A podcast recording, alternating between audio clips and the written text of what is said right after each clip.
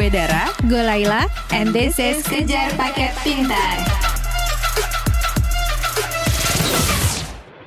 Suatu hari, gue, Laila, dan Tria nyoba nggak ngebuka sosial media kita masing-masing selama seminggu penuh. Dan ini catatan kami selama jeda dari sosial media tersebut.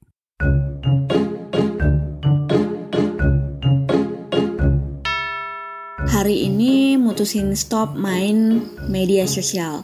Langsung logout akun Instagram, Facebook, Twitter, dan medsos lainnya. Nah, um, pas malamnya nih ya, ngepas ngecek handphone, ternyata nih baterai handphonenya masih 57%. Belum ngecas juga seharian. Wih, jarang-jarang nih. Halo, ini adalah Diary Laila saat berhenti menggunakan social media Day One. Day One ini buat gue nggak terlalu lancar karena gue masih beberapa kali buka social media, tapi untuk cari informasi spesifik.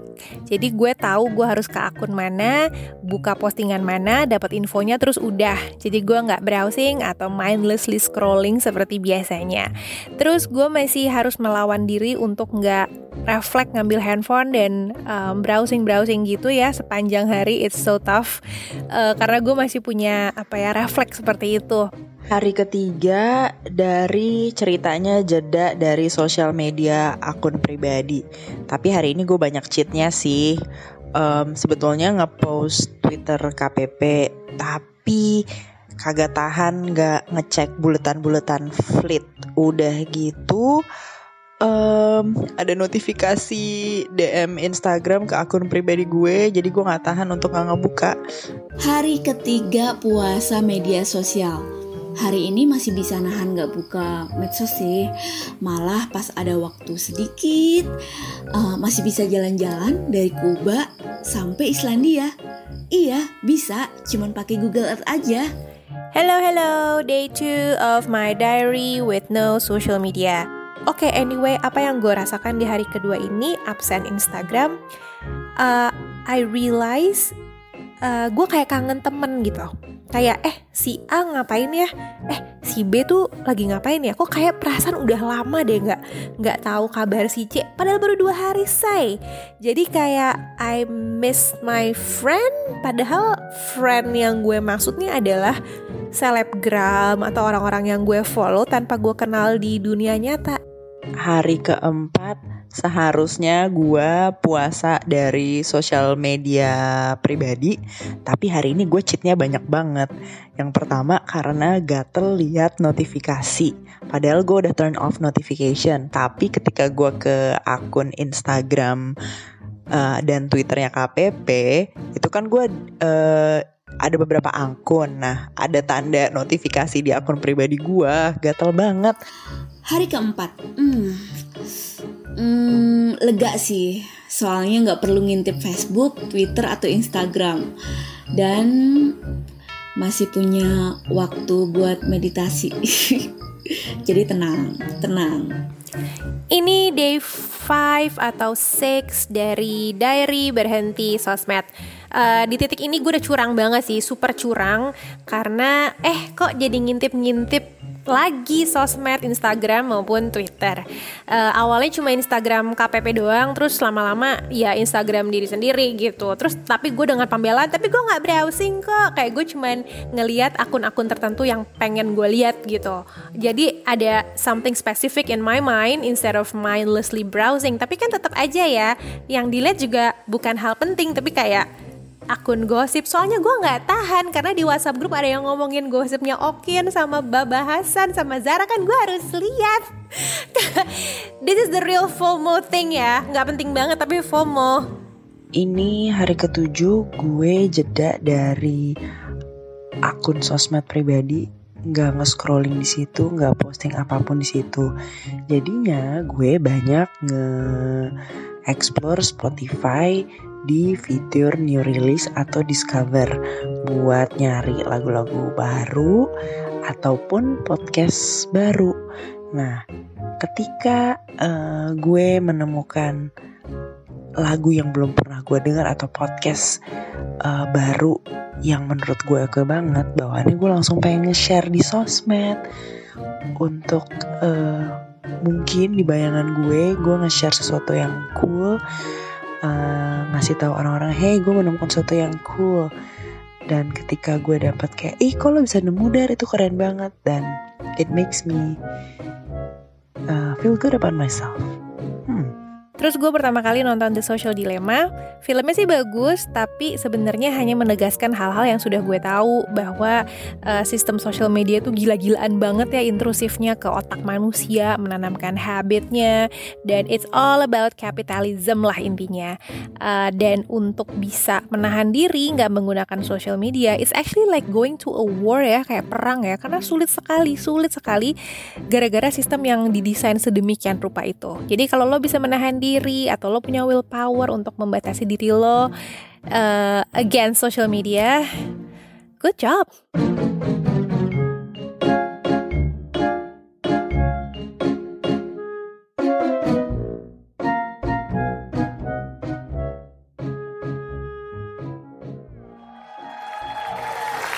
Kita kasih tepuk tangan untuk penonton di rumah. Rumah.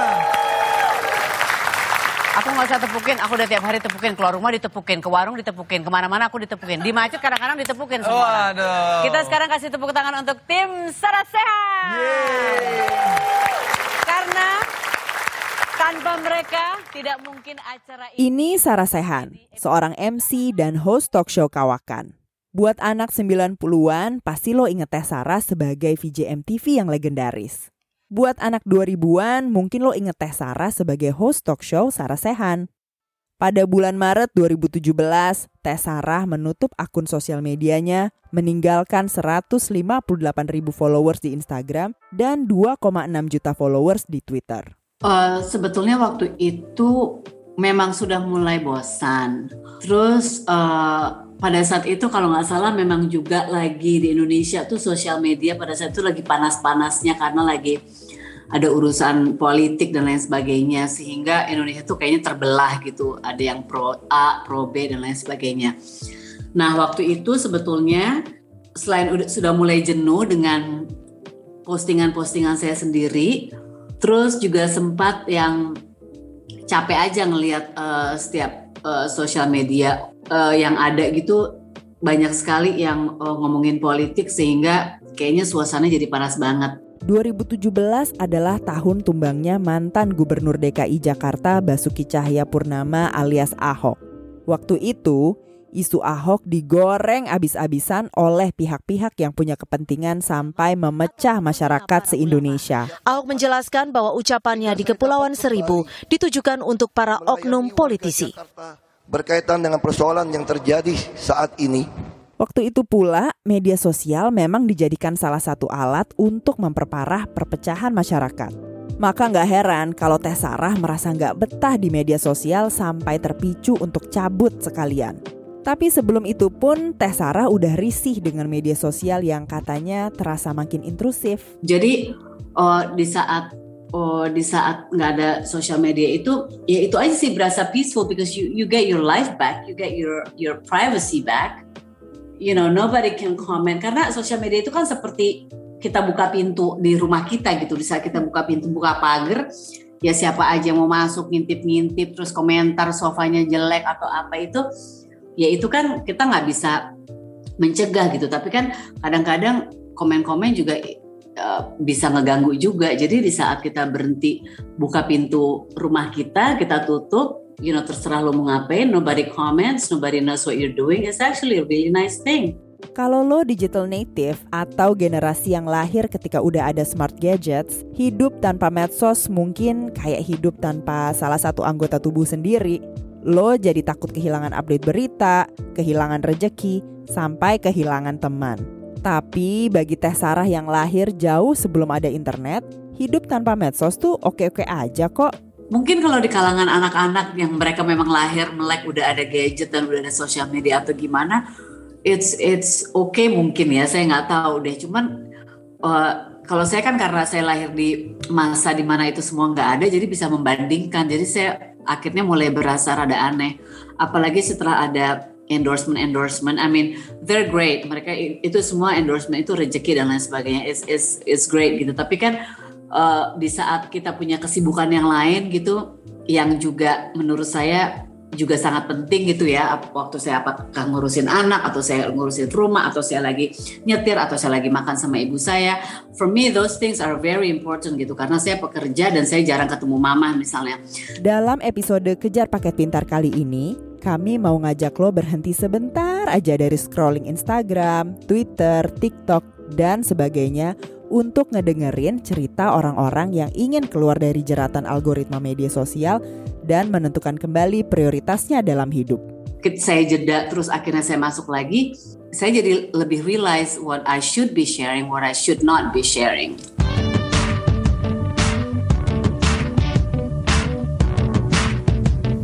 Halo, nama saya Tara. Sekarang saya sedang berada di Harper's Bazaar Indonesia dan kali ini saya ingin menunjukkan cara untuk membuat uh, party makeup look dengan tema dewy. Ini adalah Cinta Ruhama Amels atau Tara.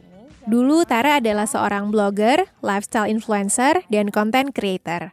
Sebelumnya lagi, Tara pernah jadi Deputy Editor-in-Chief sebuah majalah remaja, juga founder sebuah website khusus perempuan. Jadi gue cerita dikit ya, dulu nih Tara nih adik kelas gue. Jadi waktu gue SMP, dia masih SD. Maka gue tahu bahwa sejak SD pun Tara nih kembang sekolah. Karena memang dia cantik banget sih jujur. Orangnya putih, manis, pokoknya kece deh. Belasan tahun kemudian gue menemukan bahwa Tara nggak cuma cantik tapi juga multitalenta. Waktu gue nemu blognya Tara di sekitar tahun 2009, gue jadi tahu tuh bahwa ternyata dia pinter gambar, nulis, melukis, motret, web design, bikin craft, fashion styling, sampai makeup. Dulu setiap gue buka blognya ada aja tuh ilustrasi baru, hasil crafting baru, atau tulisan baru. Pokoknya menurut gue Tara adalah contoh konten creator yang sempurna. Soalnya di era media sosial gini, kalau lo mau jadi content creator, lo harus satu paket gitu kan? Cantik, kreatif, dan serba bisa. Jadi nggak heran kalau Tara waktu itu cepat melejit sebagai blogger dan influencer. Dari tahun 2010 sampai 2018, Tara Amels naik daun banget tuh sebagai blogger dan influencer Instagram. Bahkan di tahun 2015, Tara pernah menang Influencer Asia Awards dan sempat menjadi salah satu bintang di web series YouTube berjudul Ibu-Ibu Hot bersama sejumlah influencer dan entrepreneur perempuan lainnya. No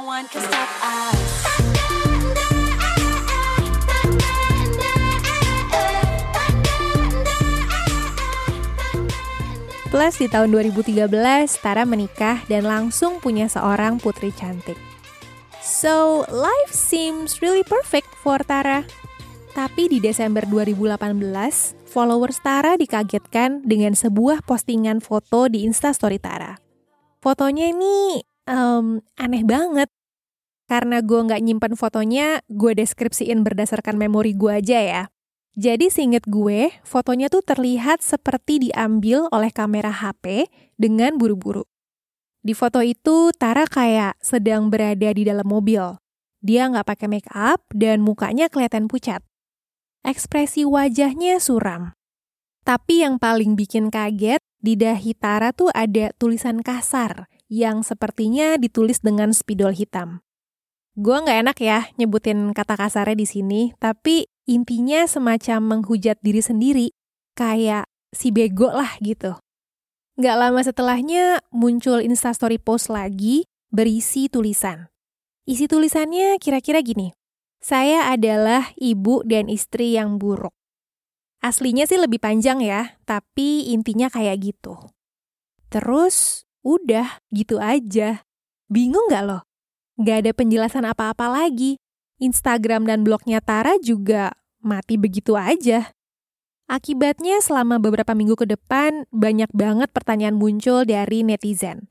Orang pada bingung, khawatir, walau banyak juga sih yang bikin asumsi negatif. Banyak yang menduga Tara mengalami KDRT, sehingga suaminya dituduh macem-macem. Pokoknya gosip-gosip meliar lah. Gak lama setelah itu, akhirnya Tara bikin pernyataan di blognya. Dan ternyata pernyataannya mengejutkan banget. Hmm, jadi waktu itu aku berhenti dari sosial media dan waktu itu nggak nggak direncanakan untuk berapa lama gitu karena aku sempat uh, ngalamin kasus kekerasan seksual tapi baru terbuka waktu itu tahun 2019 ya. Ada masalah keluarga juga jadinya gitu dan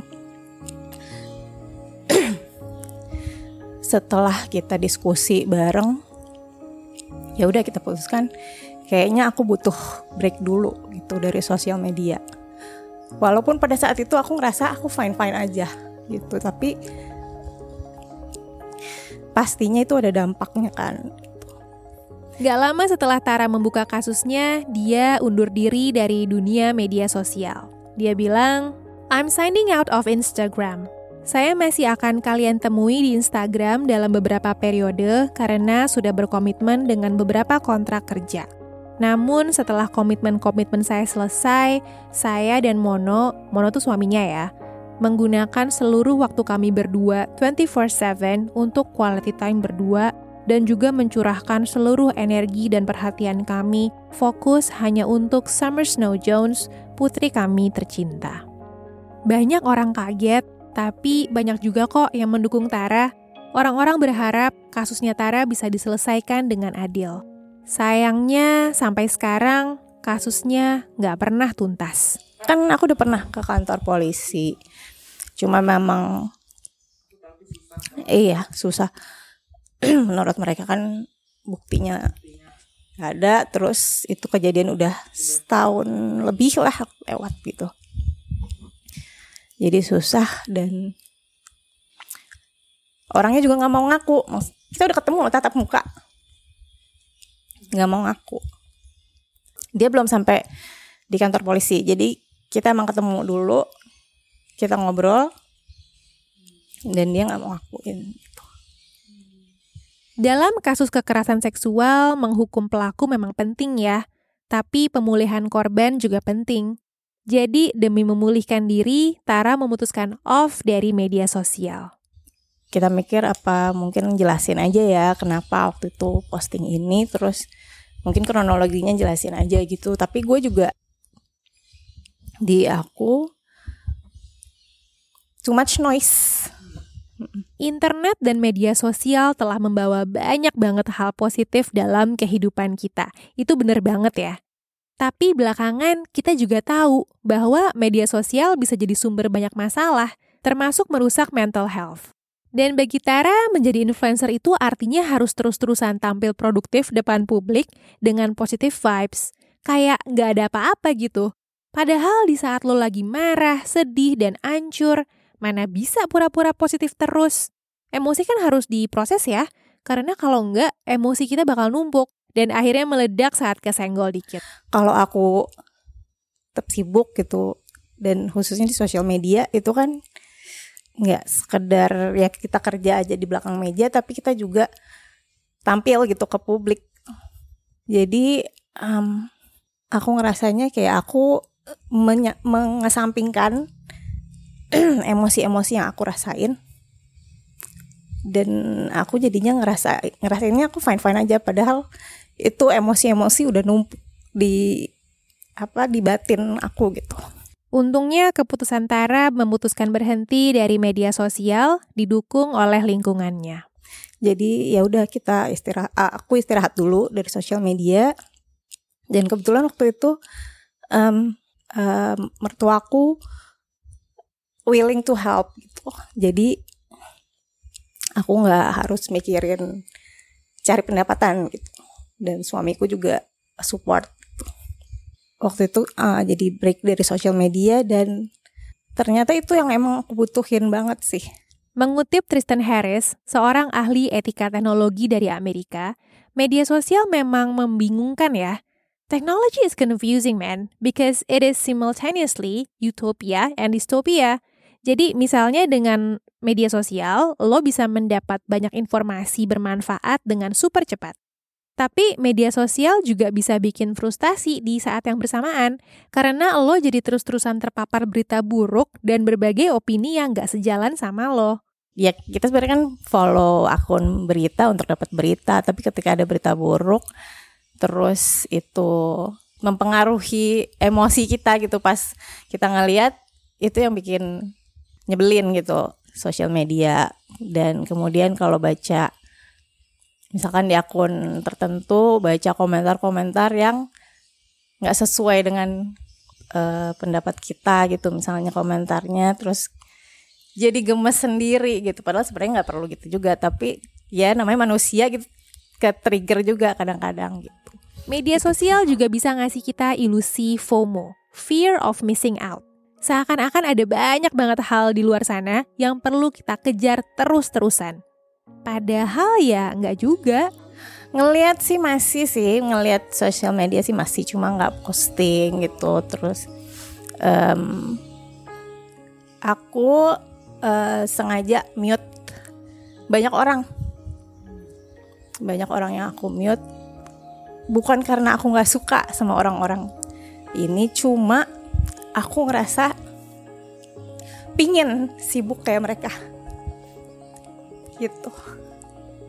Walau selama ngobrol kadang Tara masih kelihatan nyimpan luka, overall dia mengaku sekarang udah lebih kuat. Sekarang Tara juga nggak terlalu mengejar karir di ranah influencer dan media sosial dan jadi sama sekali nggak menampilkan keluarganya, khususnya anak-anaknya, di media sosial. Dan yang terpenting, uh, jangan cari validasi dari sosial media itu penting banget. Dan um, selalu filter lagi apa pun yang kita baca di sosial media kita filter lagi jangan sampai kita dikontrol sama sosial media terus uh, emosi kita juga terombang-ambing sama sosial media.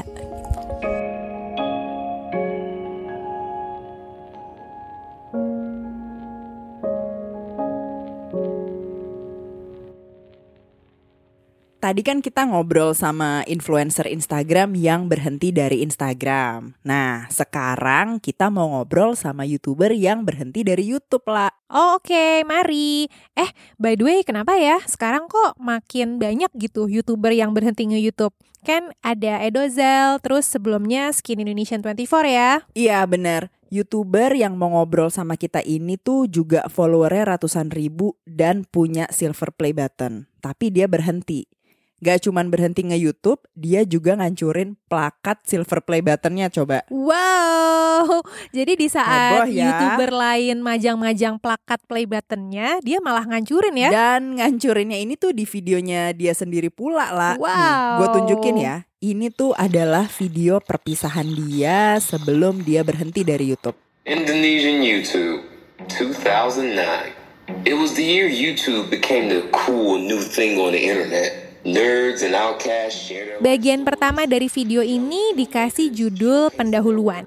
Terus diisi semacam animasi ilustrasi sepanjang 5 menit mm -hmm. yang menceritakan perjalanan skena YouTube Indonesia dari sudut pandang narator video ini. Pakai bahasa Inggris, ya. Inggris nih ya videonya depannya mm -mm, ya. Terus bagus bagus gitu sih uh, pronunciationnya ya. It allowed more people to be involved in the whole economy of the whole thing. Nah, terus si narator bilang, YouTube nih awalnya platform yang indie banget. It was a new cool thing lah. YouTube adalah platform tempat nampung karya para geeks, musisi amatir, animator amatir, pokoknya kreator rumahan lah ya. Dan teknik produksinya juga sederhana banget. Terus si narator ini bilang dia merasa lama-lama YouTube makin komersil. Jadi artis TV banyak yang masuk ke YouTube lah, selebritis lah. Terus mereka langsung menggeser kreator indie yang ada sejak awal di YouTube. Iya. Yeah. Menurut si narator, konten YouTube tuh makin banyak yang dangkal gitu. This is how the Indonesian YouTube ended. Selamat datang di What the Fuck Indonesia. Terus ini bagian nah, dua nih. Iya, iya nih. Judulnya reinstatement atau restorasi. Apa maksudnya? Gue nggak ngerti ya, say. Bener-bener kayak... Ini katanya kerangka pikiran. Kata kerangka pikiran si naratornya. Oke. Okay.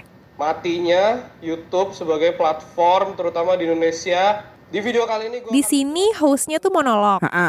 Hostnya nih seorang cowok muda, iya. kayak umur 20-an gitu rambutnya gondrong, ikal, terus dia berada di sebuah ruangan gelap sendirian disinari lampu spotlight. Dramatis memang ini nih. Mm -mm, dramatis. Dia pakai jubah green screen.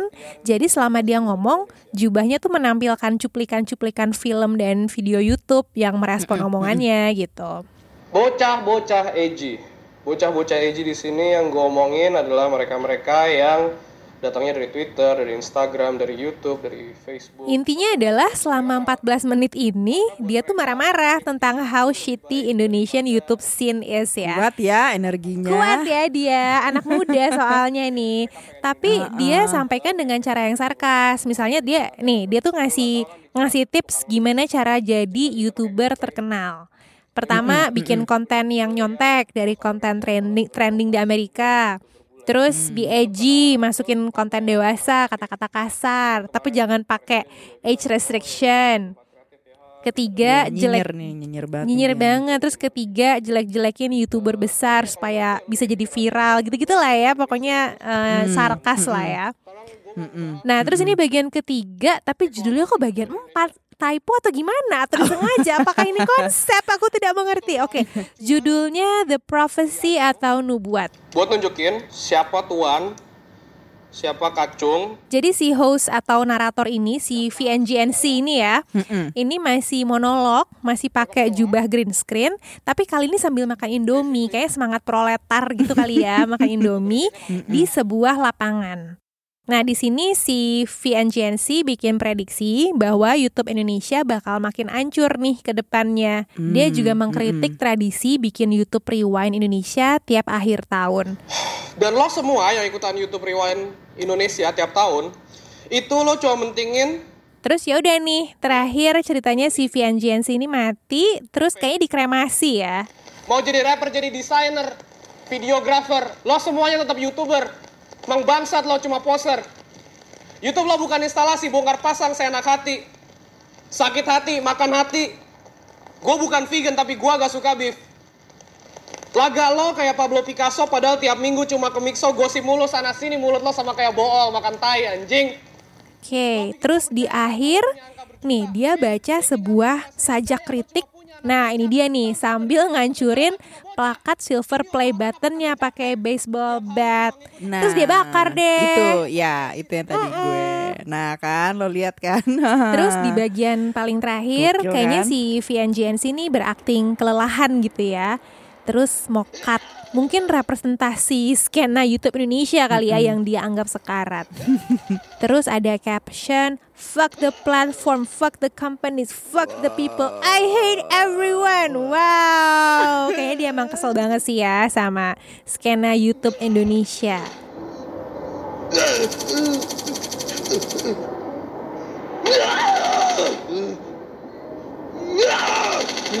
Mm-mm. Oke deh. Jadi dia ini siapa sih, Der? Dia adalah Yudhistira Israel atau lebih akrab dipanggil Easy. Hmm. VNGNC itu screen name-nya lah. Jadi maksudnya vengeance gitu dibacanya alias dendam. Hmm. Nah, Easy eh, mulai aktif nge-upload konten ke YouTube tuh di tahun 2009-2010. Di mana waktu itu YouTube Indonesia belum seramai sekarang, apalagi sekarang kan udah banyak selebriti Indonesia kan masuk YouTube. Mm-mm. Nah, dulu tuh konten yang Easy upload adalah seputar teknologi. Jadi misalnya nih dia nyobain eh, ngedisplay pakai monitor yang gak umum. Pokoknya tek-tek gitu loh lah. Hmm. Tapi penontonnya dia ini gak banyak. Padahal Easy udah coba ngembangin channelnya tersebut, tapi tractionnya tetap aja kurang. Um, tapi sebelum-sebelum yang itu gue sempet ada kayak project lain juga di YouTube yang akhirnya gue end lumayan early gitu. Entah karena apa? Entah karena gue ngelihat uh, tractionnya kurang, entah karena gue ngelihat kayaknya uh, apa nggak berkembang-kembang gitu udah dilakukan segala cara jadi butuh restart Di akhir tahun 2015, Easy bikin sebuah program baru di channel YouTube-nya bernama WTF Indonesia. Hmm. Channel WTF Indonesia ini tuh jauh berbeda dari channel pertama dia yang tek-tek itu tadi ya. Konten WTF Indonesia itu adalah video social commentary. Jadi isinya tuh video-video Easy mengkritik konten-konten YouTube Indonesia yang menurut dia gak berkualitas. Ngerosting gitu loh lah, roasting-roasting. Oh, roasting tuh yang ngata-ngatain gitu ya. Heeh. Nah, iya buat yang nggak tahu intinya roasting videos itu adalah video yang isinya si host nyela-nyela sesuatu deh. Yes. Misalnya nyela sebuah video klip gitu atau gaya fashion seseorang selebriti atau apa pun lah ya gitu yang ada di eh, yang ada di seseorang atau sesuatu gitu kan. Nah, di channel WTF Indo Izzy ngerekam dirinya sendiri nonton satu video YouTube yang populer, terus dia ngekritik video itu dengan tajam dan sadis. Oke, gitu. iya iya iya. Begitu muncul, WTF Indonesia langsung menarik banyak traction, langsung laku lah. Oke, tapi apa sih Hmm. motivasi Easy bikin WTF Indonesia ini? Nah, tadi kan gue sempat mention ya bahwa dulu sekitar tahun 2009 sampai 2015-an YouTube tuh beda banget sama sekarang. Ingat gak sih Lola dulu tuh YouTube kayak apa? Hmm, kalau nggak salah tuh YouTube tuh was very indie ya. Yoi, Jadi yoi. platform yang sangat merakyat Hmm. gitu. Jadi orang-orang juga pada lepas aja naruh karya di YouTube tanpa beban. Kompetisinya juga masih sehat, nggak ada monopoli pihak-pihak tertentu gitu. kayak dari dulu mungkin sebenarnya YouTube itu kayak platform kecil untuk orang-orang artinya siapa pun gitu. Ingat loh YouTube dulu tagline-nya broadcast yourself. Ingat gak tahun 2008 2009. Zaman belum pakai likes, belum pakai likes, masih pakai bintang 1 sampai 5 dulu. Ingat gak? Dulu tuh mereka bikin video karena memang pengen bikin aja. Soalnya dulu eh, kreator belum pada ngejar uang dan ketenaran karena penonton YouTube sebetulnya masih sedikit juga kan. Jadi dulu ya si para kreator ini bikin karya dengan lebih tulus. Iya. Nah, tadinya Izzy berharap YouTube ini bisa jadi antitesis TV yang udah komersil banget dan gak banyak faedahnya. Dulu tuh kan ada istilah ya dari lagu ya, video killed the radio star. Nah kayaknya Easy nih berharap YouTube uh, can kill the TV star gitu ya.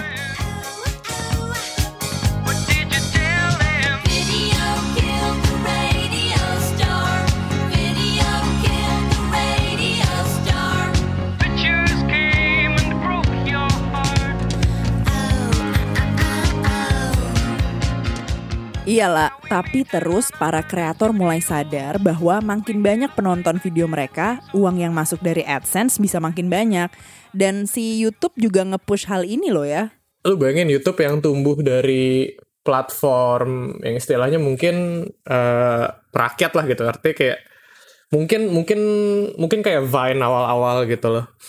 Itu dari dari platformnya seperti itu sampai akhirnya mulai banyak orang-orang yang ngeseriusin YouTube karena digandeng sama AdSense-nya Google gitu. Jadi artinya AdSense Lama-lama, para kreator YouTube yang populer makin banyak ditawarin kerjasama dengan brands.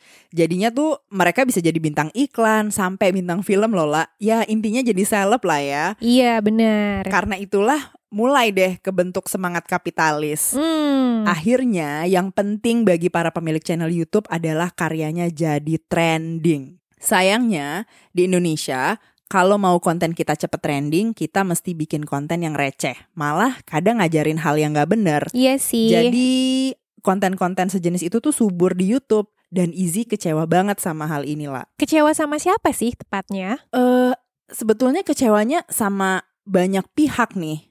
Yang pertama, Izzy kecewa sama kreator YouTube-nya sendiri. Karena mungkin di tahun-tahun 2010 ke atas, Izzy merasa kreator YouTube makin males bikin karya yang cerdas dan kritis.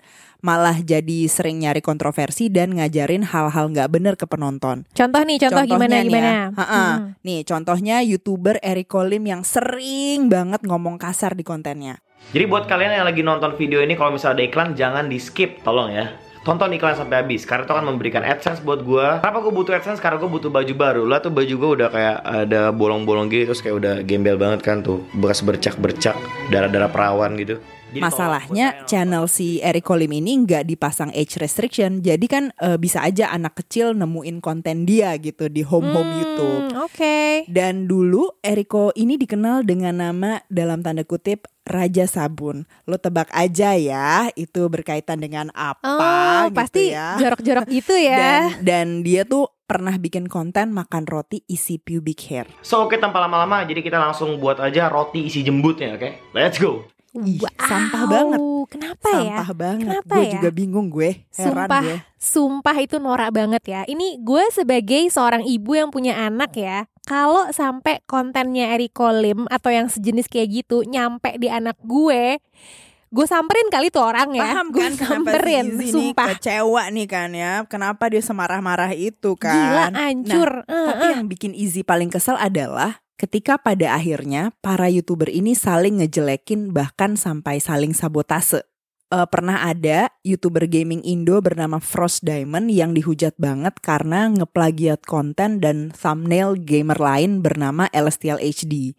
Katanya sih youtuber tuh kadang sengaja begini supaya bisa nyalip-nyalip masuk trending gitu. Jadi dia Hmm. ngintip ngintip konten yang rame thumbnailnya apa terus dia ambil biar biar Oh, penonton tuh jadi- rancu gitu. Katanya sih oh, begitu. jadi apa sih namanya jalan pintas banget Jalan ya? pintas. Nah, Hmm. atau eh para youtuber ini saling timpal-timpalan melalui video reaction. Oke, gimana misalnya tuh? nih ya La, eh, misalnya mantan youtuber eh, Reza Arab bikin sebuah pernyataan di video. Mm-mm. Terus ada youtuber yang memang gak suka sama Arab bikin video pernyataan yang nimpalin perkataan Arab. Arab ngeliat, iya. dia balas lagi bikin video reaction. Bolak-balik, balas-balasan terus Oh aja kayak gitu. Gue bingung, kenapa nggak minta eh, kontak aja terus telepon-telepon langsung gitu? Iya, kan lebih akrab kan? ya Makanya. suasana. Minta aja nomornya, aku kirimnya kau voice noteku ini kan.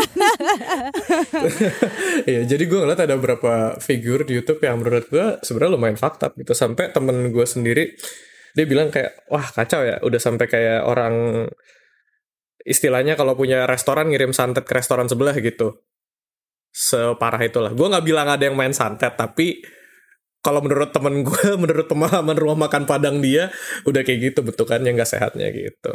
Eh, kedua nih ya La, Izzy itu kecewa dengan penonton YouTube. Jadi waktu dia bikin WTF Indo, eh, mungkin Izzy berharap penontonnya jadi bisa ikut lebih kritis dalam memilih tontonan. Tapi nyatanya meski Izzy udah abis-abisan ngerus konten-konten eh, sampah ya yang ada di YouTube gitu lewat WTF Indo, konten-konten sampah atau yang dianggap dangkal ini tuh tetap aja populer. Paham banget sih. Paham kan?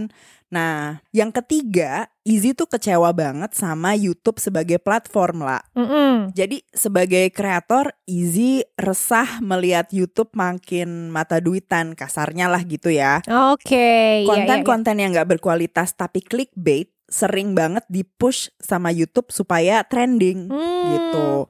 Nah, monetisasinya besar pula. Iya. Karena ad- AdSense itu kan, sementara kreator yang niat bikin karya dengan bagus dan meaningful malah tenggelam. Jadi gitu. WTF Indo nih kayak semacam aktivismenya Easy di dunia digital ya? Hmm, bisa dibilang gitu sih lah. Karena sebenarnya dengan WTF Indo, Easy kepengen mendesak YouTube balik lagi jadi platform yang mensupport konten-konten original yang punya idealisme. Mm-mm. Karena eh, Easy tuh merasa terganggu atas populernya konten-konten yang sampah tadi, tapi juga konten-konten yang dalam tanda kutip aman, tapi nggak bisa bikin orang berpikir kritis. Iya. Eh, misalnya kayak vlog ngegrebek rumah selebritisnya Atta Halilintar tuh. Hmm. Gua ya. Hari ini gua mau nengokin, mau main ke rumah teman gua di Bandung yang masih muda, rumahnya gede segede istana Disneyland. Peliharaannya ada harimau, burung unta, sama binturong yang seberat barbel guys ya. Duh itu binturong apa masa lalu ya berat banget dilupain. Eh, enggak, enggak, enggak. Gimana rasanya punya rumah gede, masih muda, punya kebun binatang sendirian guys? Mau tahu, mau tahu? Tonton videonya sampai habis. Jangan lupa subscribe, like, like, like, like yang banyak. Subscribe, subscribe, subscribe. Dan jangan lupa turn on notification-nya atau loncengnya ya guys. Ya selamat menonton, enjoy! Nah. Kan eh, konten begitu sebetulnya aman-aman ya. Kayak Ata berkunjung aja ke rumah orang, tapi nggak ada takeaways apa-apa yang bisa diambil dari konten sejenis itu. itu sebenarnya salah satu bentuk protes gue juga ke YouTube yang di mana mereka ngebiarin konten-konten yang di permukaan itu kelihatannya oke-oke aja, fine-fine aja, tapi secara fundamental menurut gue mengen bukan mengencourage juga, secara fundamental basically ngebiarin orang buat nggak kritis, ngebiarin orang untuk em, asal terima, asal tangkep mentah-mentah aja em, untuk konten YouTube-nya. Jadi by 2017-2018 itu emang YouTube itu prefer kreator yang tanda kutip safe lah gitu, safe untuk advertiser. Jadi intinya tuh Easy nih rage against the machine banget ya. Banget. Jadi Izzy berusaha melawan mesin raksasa nih, yaitu YouTube dan Google. Hmm. Tapi eh, lama-lama Izzy ngerasa buntu. WTF Indonesia nggak jadi sebuah pergerakan seperti harapan dia di awal gitu. Iya. Malah kemudian gelombang artis mainstream justru masuk ke YouTube. Mm-mm. Lo inget nggak sekitar tahun 2017 banyak banget TV personality bikin channel YouTube. Gue inget sih ada gelombang artis itu, cuman Ya kan? Uh-uh, cuman gue lupa tahunnya tuh sekitar bener ya 2017 ya. 2017, 2017 benar. Jadi eh karena TV personality ini udah punya banyak masa, begitu mereka masuk ke YouTube, mereka juga bawa penonton yang masif gitu. Iya, benar. Eh, misalnya waktu Raffi Ahmad masuk YouTube, Hmm. fanbase-nya dahsyat gitu kan jadi berbondong-bondong nonton YouTube lah. Hmm. Mereka jadi nongkrong di YouTube dan bikin laku tontonan-tontonan yang eh, alay gitu loh. Jadi eh, mereka juga menuntut konten-konten alay sejenis itu ditambah di YouTube. Nah, YouTube makin kehilangan nuansa indinya.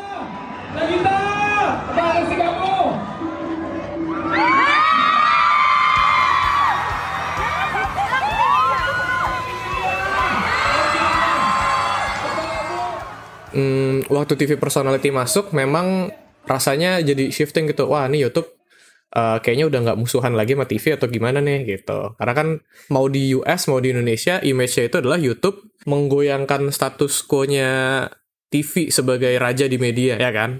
Jadi Izzy merasa bahwa sistem YouTube tuh makin kapitalis ya. Mm-mm, Mereka mm-mm. asal dukung aja tuh konten-konten receh, asalkan punya high traction Iya. sehingga menarik advertiser ya. Iya banget. Nah, terus seperti yang tadi gue bahas, Izzy berharap minimal penontonnya WTF Indo bisa jadi kritis dan kebuka lah matanya.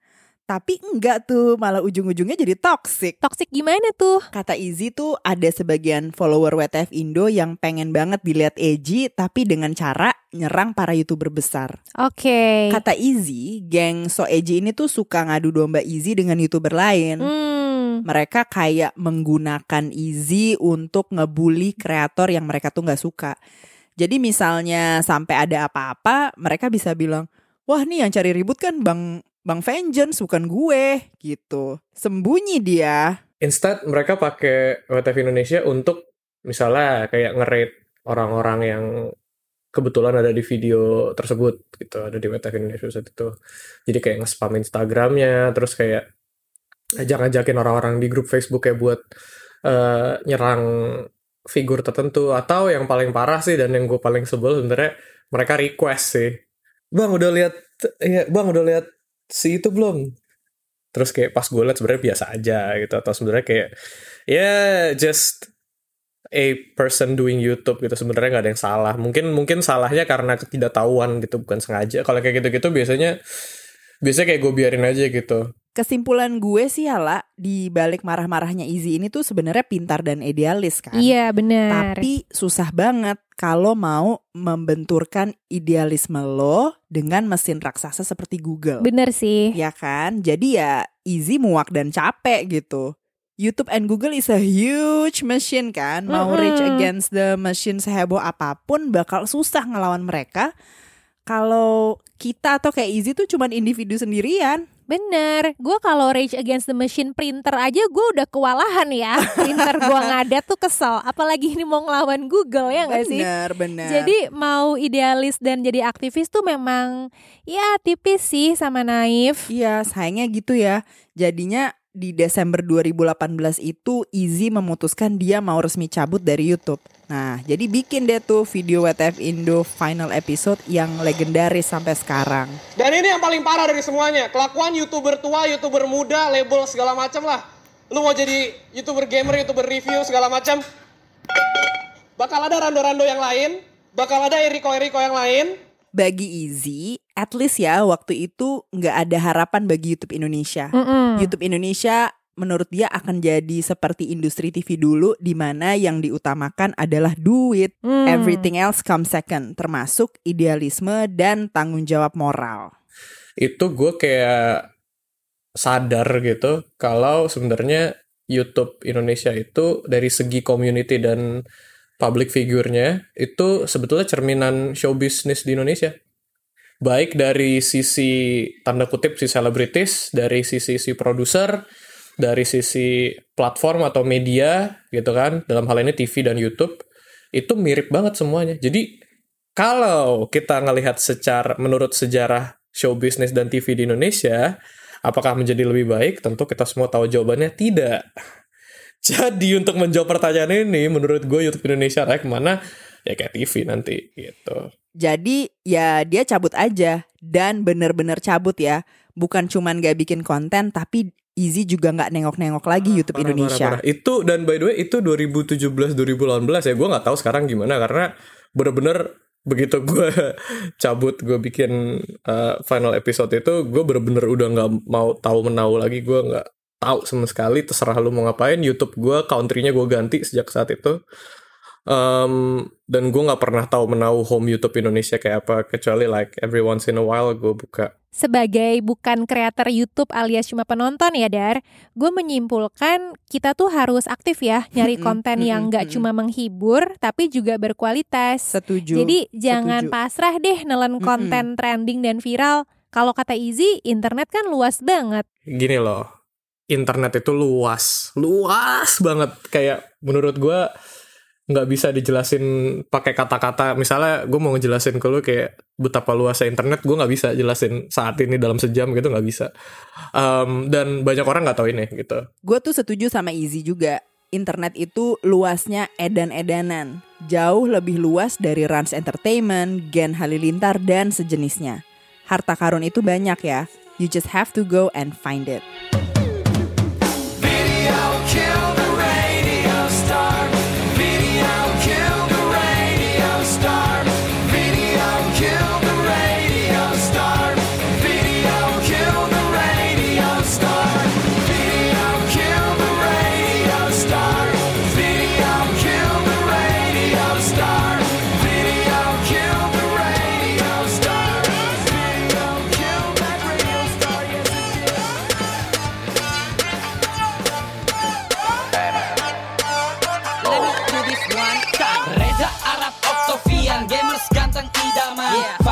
Fak pencitraan Nakal tapi tampan Di Youtube gue ngomongnya anjing bangsat Tapi di Instagram semua cewek-cewek mendekat. So suci. Gue bukan ustaz. Nggak punya sayap Tapi mirip malaikat. Dulu sahabat Sekarang jadi bangsat. Yup, itu first dari gue. Next, Kajo. YouTube, YouTube, YouTube lebih dari TV. YouTube, YouTube, lebih dari TV. Hati-hati gue gak pernah basa-basi. Sebentar lagi posisi kita berganti. Nah, gue sih tahu banget ini lagu nih lah. Lo- lo hafal, pasti lo hafal lebih ya. Dari TV, gitu. Digital adalah kenyataan. Wah, gue dah hmm, hafal Hafal banget ya. gue GGS nih. Oke oke oke oke FYI buat yang nggak Hmm. tahu ini adalah sebuah video rap di YouTube buatan tahun 2016 ya dibawakan Yoi. oleh rapper Young Lex. Nah lagu rap Betul. ini berjudul Ganteng-ganteng Swag plesetan dari sinetron Ganteng-ganteng Serigala yang fenomenal ya pada masanya ya. Nah lagu rap ini featuring mantan youtuber Reza Octavian, Skinny Indonesian 24 dan Kemal Palevi. Buat gue sih jujur ya, nggak ada yang terlalu istimewa sih dari video maupun lagu rap ganteng-ganteng swag ini. Ganteng-ganteng swag nggak tapi lah. lumayan, lumayan, lumayan. Lumayan lah ya, boleh lah, boleh Oke. lah. Hmm. Tapi yang menarik buat gue adalah perspektif gue terhadap video ini. Ah, maksudnya gimana tuh, lah? Jadi kita kan udah tante-tante ya Dar ya. Yoi. Nah, Yoi. di era keemasan YouTube sekitar tahun 2011 sampai mungkin tahun lalu lah gitu ya. Jujur gue sama sekali tuh nggak ngikutin skena YouTube YouTube anak muda Indonesia. Sama. Heeh, nah kalau gue di era itu gue tuh sibuk nikah, hamil, melahirkan, Hmm. Oh, terus iya ya udah kerja sambil ngurus keluarga gitu kan. Jadi bisa dibilang gue berjarak banget nih sama skena-skena YouTuber Indonesia karena kan mereka marketnya anak muda banget ya. Mm-mm. Sementara gue udah tante-tante gitu kan.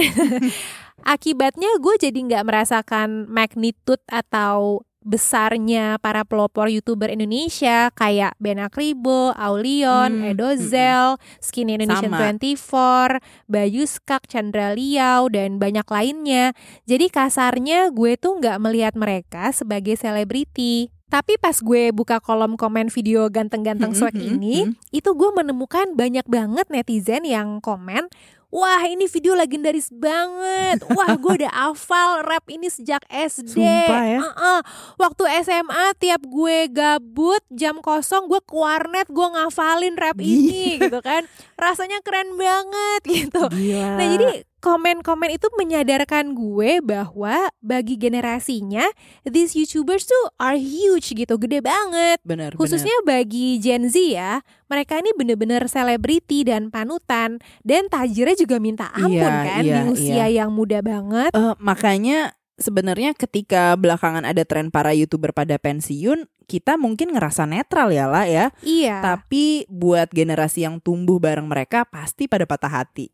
Nah, sekarang kita mau ngobrol sama seorang mantan YouTuber lagi yang berhenti juga kayak Izzy. Eh, tapi dia berhentinya nih baru-baru ini, Dar. Hmm. Padahal dia tuh salah satu dari founding fathers YouTube Indonesia lah istilahnya. Hmm. Bisa dibilang dia tuh sukses banget sebagai content creator dan bahkan tumbuh menjadi seorang publik figur lewat YouTube selama satu dekade.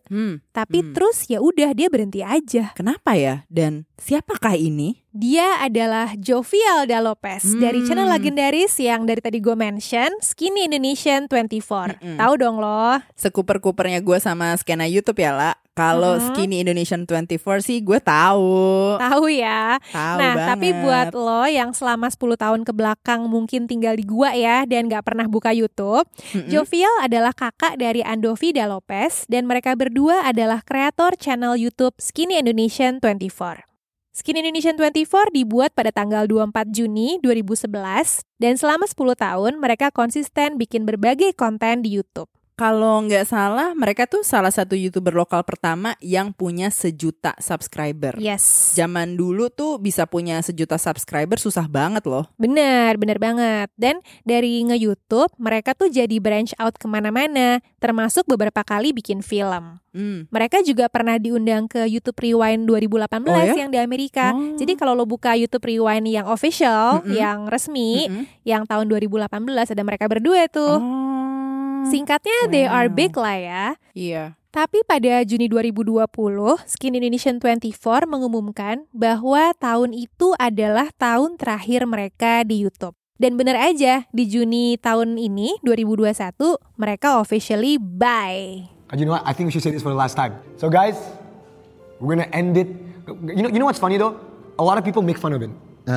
Hey, like, comment, subscribe, like, comment, subscribe. People make fun of it now. But you had no idea that was the shit back then.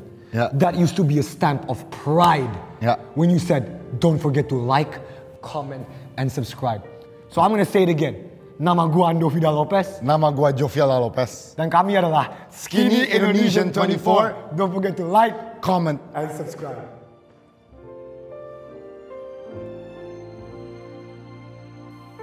But why? Kenapa? Mereka kan sukses banget lah. Katanya masing-masing Jovial dan Andovi sih punya alasan yang berbeda ya kenapa mereka memutuskan cabut. Konon keputusan berhenti nge-YouTube tuh pertama datang dari Andovi. Katanya alasan Andovi sih sangat personal dan berkaitan dengan kesehatan mentalnya. Alasan internal banget lah. he needs to sort himself out. Dia ngomong itu berkali-kali kan di podcast siapa siapa siapa bahkan di di video terakhir kita dia kayak I need to work on me and fix me. I, abis itu I can fix everything else I want to fix. Gitu kan. Dan gue sangat setuju sama itu. Soalnya gue nggak mau kerjaan ini atau video atau YouTube ini menjadi beban bagi dia. Tapi akhirnya kemudian Jovial sepakat untuk cabut juga karena dia menemukan alasannya sendiri. Tapi beda dengan Andovi, alasan Jovial tuh lebih eksternal. Hmm. Singkatnya nih ya, Jovial merasa nggak srek dengan arah YouTube yang sekarang. Hmm. Kedengarannya simple ya, tapi sebenarnya rumit sih. YouTube to me is a is a love hate relationship karena in one aspect they made me juga gitu. I love them for that. They gave me the platform to do this gitu.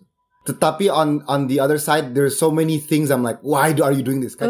gue masih agak bingung ya. Intinya tuh, intinya tuh kenapa gitu? Jadi kira-kira gini, tadi kita pas sama Izzy udah bahas ya bahwa dulu YouTube tuh adalah platform yang sangat merakyat. Benar. Dulu YouTuber bisa lepas berkarya tanpa beban, nggak Mm-mm. ngejar uang ataupun ketenaran. Sebagai platform, YouTube sendiri tentu layak untuk tumbuh besar dong ya. Benar, benar. Tapi menurut Jovial, dulu YouTube tuh seharusnya tumbuh pelan-pelan aja, Mm-mm. perlahan aja. Jadi supaya kreator dan penontonnya bisa sama-sama matang dengan berproses, nggak nggak gede karbitan gitu loh, Dar. Ya, ya, ya, nggak instan gitu ya. Uh-uh. Tapi katanya dulu manajemen YouTube merasa pertumbuhan mereka terlalu lamban. Hmm. Mereka tuh pengen YouTube buru-buru beken yang sampai skala nasional. Hmm. Sehingga mereka sengaja melobi para artis dan TV personalities untuk rame-rame masuk YouTube. Hmm.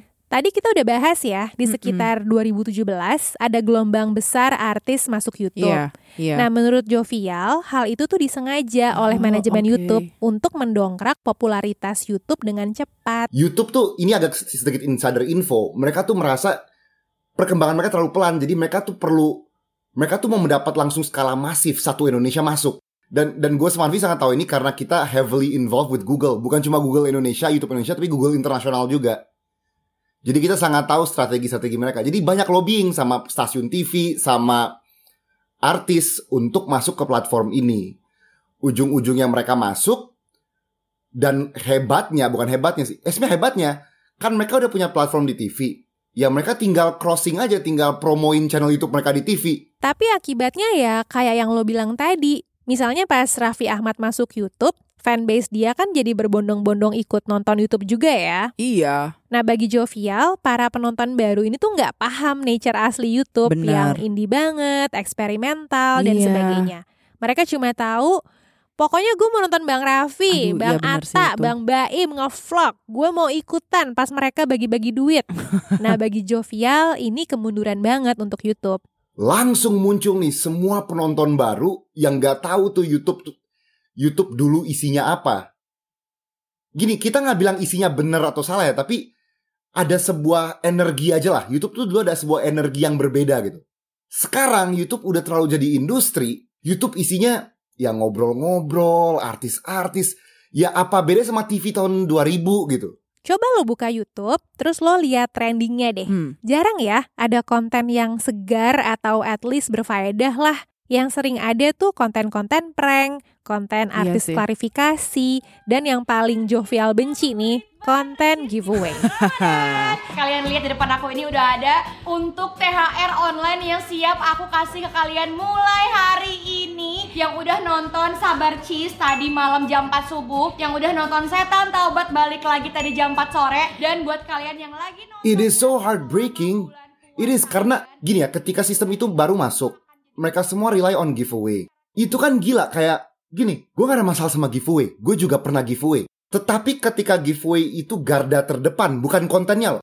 Seharusnya kontennya garda terdepan, abis itu karena activity apa, gue kasih lo sesuatu lah. Ini tuh dia narik orangnya, gue kasih kado, gue kasih kado, gue kasih kado. Nah bisa aja kontennya dia lagi diem di rumah 3 jam, apa gunanya gitu. Asal kalian nonton ini ya, asal kalian nonton ini, gue kasih kado. Enggak gitu. yang udah subscribe channel ini, channel Ricis TV dan channel Rumah Ricis dan juga yang udah spam like di semua vlog aku dan juga yang udah follow Instagram Bening Indonesia, Dr. Oki dan Ricis Official YTB dan syarat selanjutnya baca deskripsi di bawah biar makin jelas. Dulu YouTube tuh mengayomi kreator-kreator amatir yang awalnya nggak punya modal sampai mereka jadi besar. Ya kayak Skin Indonesian 24 sendiri lah ya. Iya. Tapi kalau artis dari awal kan mereka udah punya modal untuk bikin channel mereka. Jadi eh, channel mereka tuh bisa tumbuh dengan eh, cepat gitu.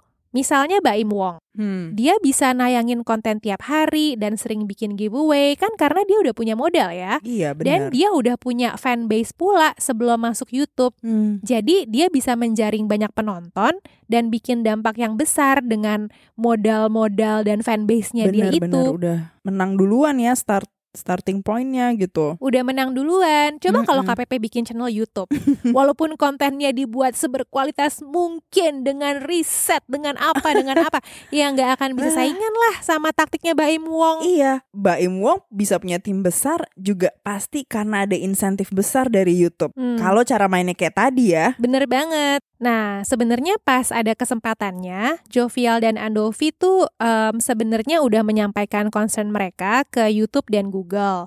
Nyampeinnya langsung ke petinggi Google di pusatnya loh, di Silicon Valley. sangat disampaikan. Jadi gue inget ada dinner di restoran apa. Jadi orang level 3 Google lah ke Jakarta. Ketemu top-top kreator lah. Oke, jadi mereka ketemu kita. Terus kita ngomongin, kita voicing this concern. Nah jujur yang waktu kita voice adalah Logan Paul. Karena waktu itu dia datang zaman-zaman Logan Paul. Kalau kalian tahu dia ngevlog di Suicide Forest lah. Ini udah lumayan lama ya, 5 tahun atau 4 tahun lalu kan. Ini Jovial ngasih referensi soal Logan Paul yang kontennya waktu itu dianggap bermasalah. kita ngomong kayak this is giving a bad look to YouTube karena it's getting many views, it's getting many views. Nah, masalahnya with it's getting many views, many new viewers come, mereka bakal kira inilah gamenya, inilah YouTuber. Tapi mereka juga bilang it's also making the pie bigger. Jadi ibaratnya lebih banyak mata yang menyorot YouTube, entah isinya baik atau buruk, iklan akan lebih banyak masuk, yang berarti kalian akan mendapatkan lebih banyak uang. Nah ketika dia berargumen ke sana, gue langsung narik kesimpulan emang KPI mereka uang. Pernah juga nih, suatu hari Jovial dan Andovi ke Jepang dan ketemuan sama petinggi Google. Mereka dinner terus mimichan bareng gitu lah ya, sampai pada tipsi. Nah, kalau udah tipsi kan luwes ya luwes langsung. ya ngobrolnya. nah, si petinggi Google ini tuh keceplosan ngasih tahu taktik YouTube yang sekarang ini. Nah terus tiba-tiba dia ngomong kayak this is the tactic man. This is the tactic to bring everyone in.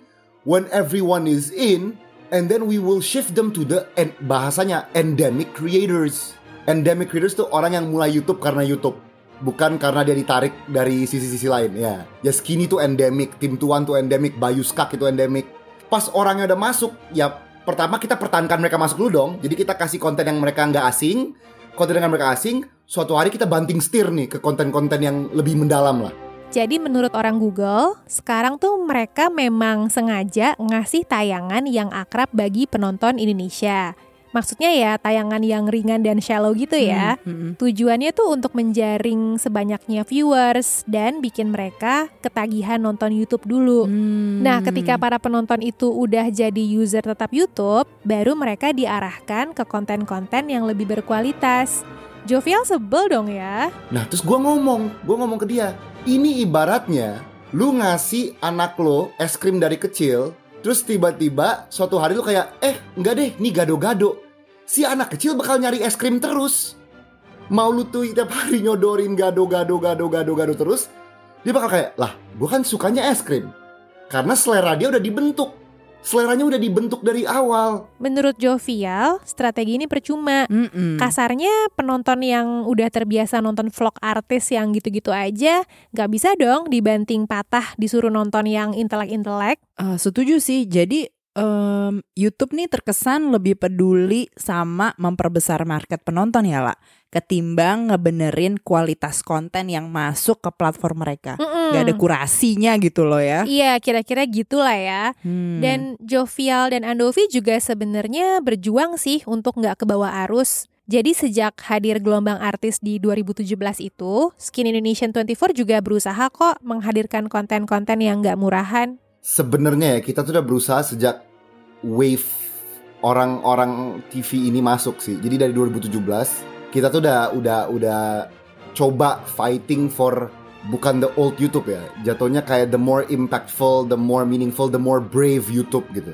Karena gue tuh paling benci bikin sketsa-sketsa yang gak ada isinya. Itu gini ya, orang kayak kira kayak oh skinny sengaja bikin berbeda. Enggak, this is who we actually are gitu. I really hate making things kayak and put my name on it kalau there is no bigger impact gitu. Padahal dulu harapan para kreator adalah agar YouTube bisa jadi platform yang bawa perubahan kan? Iya. Eh, ternyata platformnya kapitalisnya sama aja kayak kebanyakan industri lain. KPI-nya itu bukan kebaikan atau perubahan. Selama ini kreator-kreator sangat senang di YouTube karena dia ada perubahan, dia berbeda. Tapi ternyata back end-nya ujung-ujungnya money oriented. Gue tuh kayak pingin aja, gue kira nih generasi YouTuber ini tuh kayak bisa bikin industri 5.0 yang sustainable, yang tidak terlalu mengeksploitasi orang-orang buruk, tapi ujungnya sama aja gitu. Tapi di YouTube sebenarnya ada dong konten bermutu, ya nggak sih? Banyak, termasuk dari kreator lokal. Ya. Tapi konten yang bermutu belum tentu bagus di mata algoritma YouTube dan mata pengiklan kan? Masalahnya kalau jalur ini nggak masuk trending, di mana trending itu notabene adalah pembuktian, ya berarti konten ini nggak laku di mata orang awam. Di mata kita mah ini laku-laku dan bagus-bagus aja gitu. Cuma di mata orang awam, ngapain bikin konten kayak segini? Nggak laku, nggak laku, nggak laku. Dan jadinya orang jadi menjauh dari mau membuat konten seperti ini. Soal laku nggak laku ini kan sebenarnya supply and demand ya. Konten berfaedah bakalan tumbuh subur kalau banyak orang yang suka. Nah iya, menurut Jovial, harusnya kita rutin mengkonsumsi konten yang menarik dan berguna. Sayangnya, kebanyakan dari kita itu cuma nyari konten yang menarik aja. Hmm. Karena lebih gampang dicerna kan daripada Mm-mm, konten berguna. Kebanyakan orang tuh cuma, eh ini menarik, udah titik, nggak lanjut, gitu kan? Ini menarik, ini mengisi waktu gua. Gue bingung nih ngapain dari jam 6 sampai jam 8 malam. Yaudah nonton sinetron aja, ini kan mengisi waktu gua. Menarik, tapi apakah berguna bagi gua? Orang tuh nggak pernah nyampe level berguna. Jovial bilang, jangan deh punya prinsip. Terserah gue dong kalau gue maunya nonton konten yang ringan. Dari awal, otak kita tuh harus dikasih konten bergizi. Karena tontonan kita bakal membentuk pikiran kita. Kalau enggak, selera dan referensi tontonan orang Indonesia kan nggak bakal maju-maju nih. Duh, setuju banget. Gini ya, entertainment ini yang orang harus sadari. Entertainment itu orang selalu kira kayak ini hal ini kan hiburan aja. Kalau mau yang berguna itu gunanya sekolah. Terserah gua, gua mau nonton apa pas pulang. Mata-mata gua, HP-HP gua, kota-kota gua. Tetapi masalahnya yang orang mungkin gak sadar karena ini lebih long term. Orang tuh selalu sadar short term. Gua bahagia sekarang, bahagia sekarang, bahagia sekarang. Now let's talk about long term. If you eat healthy for two years, your body's gonna be healthy in the long run. Same thing as entertainment. If you are given not so good things to your brain for two years, your character will be shaped. Balik lagi ke soal cabutnya Skinny Indonesian 24 dari YouTube nih lah. Gua dengar banyak netizen nuduh Skinny berhenti karena nggak laku, terus ujuk-ujuk mereka nyerah. Iya, padahal Jovial bilang Skinny sebenarnya udah berusaha bertahan Iya. dengan idealisme mereka sejak 2017. Tapi Hmm. ya mentok. Kayak Easy menemukan jalan buntu ya. Mm-mm. We we did this fight for a couple of years, gitu kan. Kita sejak 2017 lah. Kita udah merasa, bukan merasa, we are going through this fight. Tetapi kayak whatever we do, entah itu obrolan sama Google, entah interaksi kita dengan penonton dan lain-lain, kayak we saw that this is going nowhere. We saw that this whole thing, kalau kita pertahankan idealisme kita, it is going nowhere gitu. Kalaupun Skin Indonesian 24 memang berhenti karena tanda kutip nyerah, Hmm? menurut gue manusiawi banget gak sih? Manusiawi banget. Iya, capek loh kalau kita udah all out berkarya, tapi rewardnya tuh nggak sepadan. Hmm, Dari mm-mm. 2020 sampai 2021, Skinny kan udah abis-abisan tuh ya bikin konten yang mutunya tinggi. Iya loh. Seperti DPR musikal dan Hmm, pensi. hmm, hmm. Itu bagus loh produksinya. Bagus banget. Tapi DPR musikal misalnya, viewsnya tuh masih kalah sama vlog malam pertamanya Atta Aurel yang tayang di waktu yang berdekatan. Aduh. Alihkan, pindahkan perhatian mereka dari masalah sesungguhnya. Isikan, suntikan pikiran mereka dengan hal yang gak berguna. Nah, tantangan lain sekarang tuh jujur, kita tuh ingin mencari medium yang bisa menyuarakan kita gitu dan menghasilkan. Soalnya kan kita nih high effort berarti banyak uang yang keluar ya. Kayak DPR musikal, pensi itu mahal.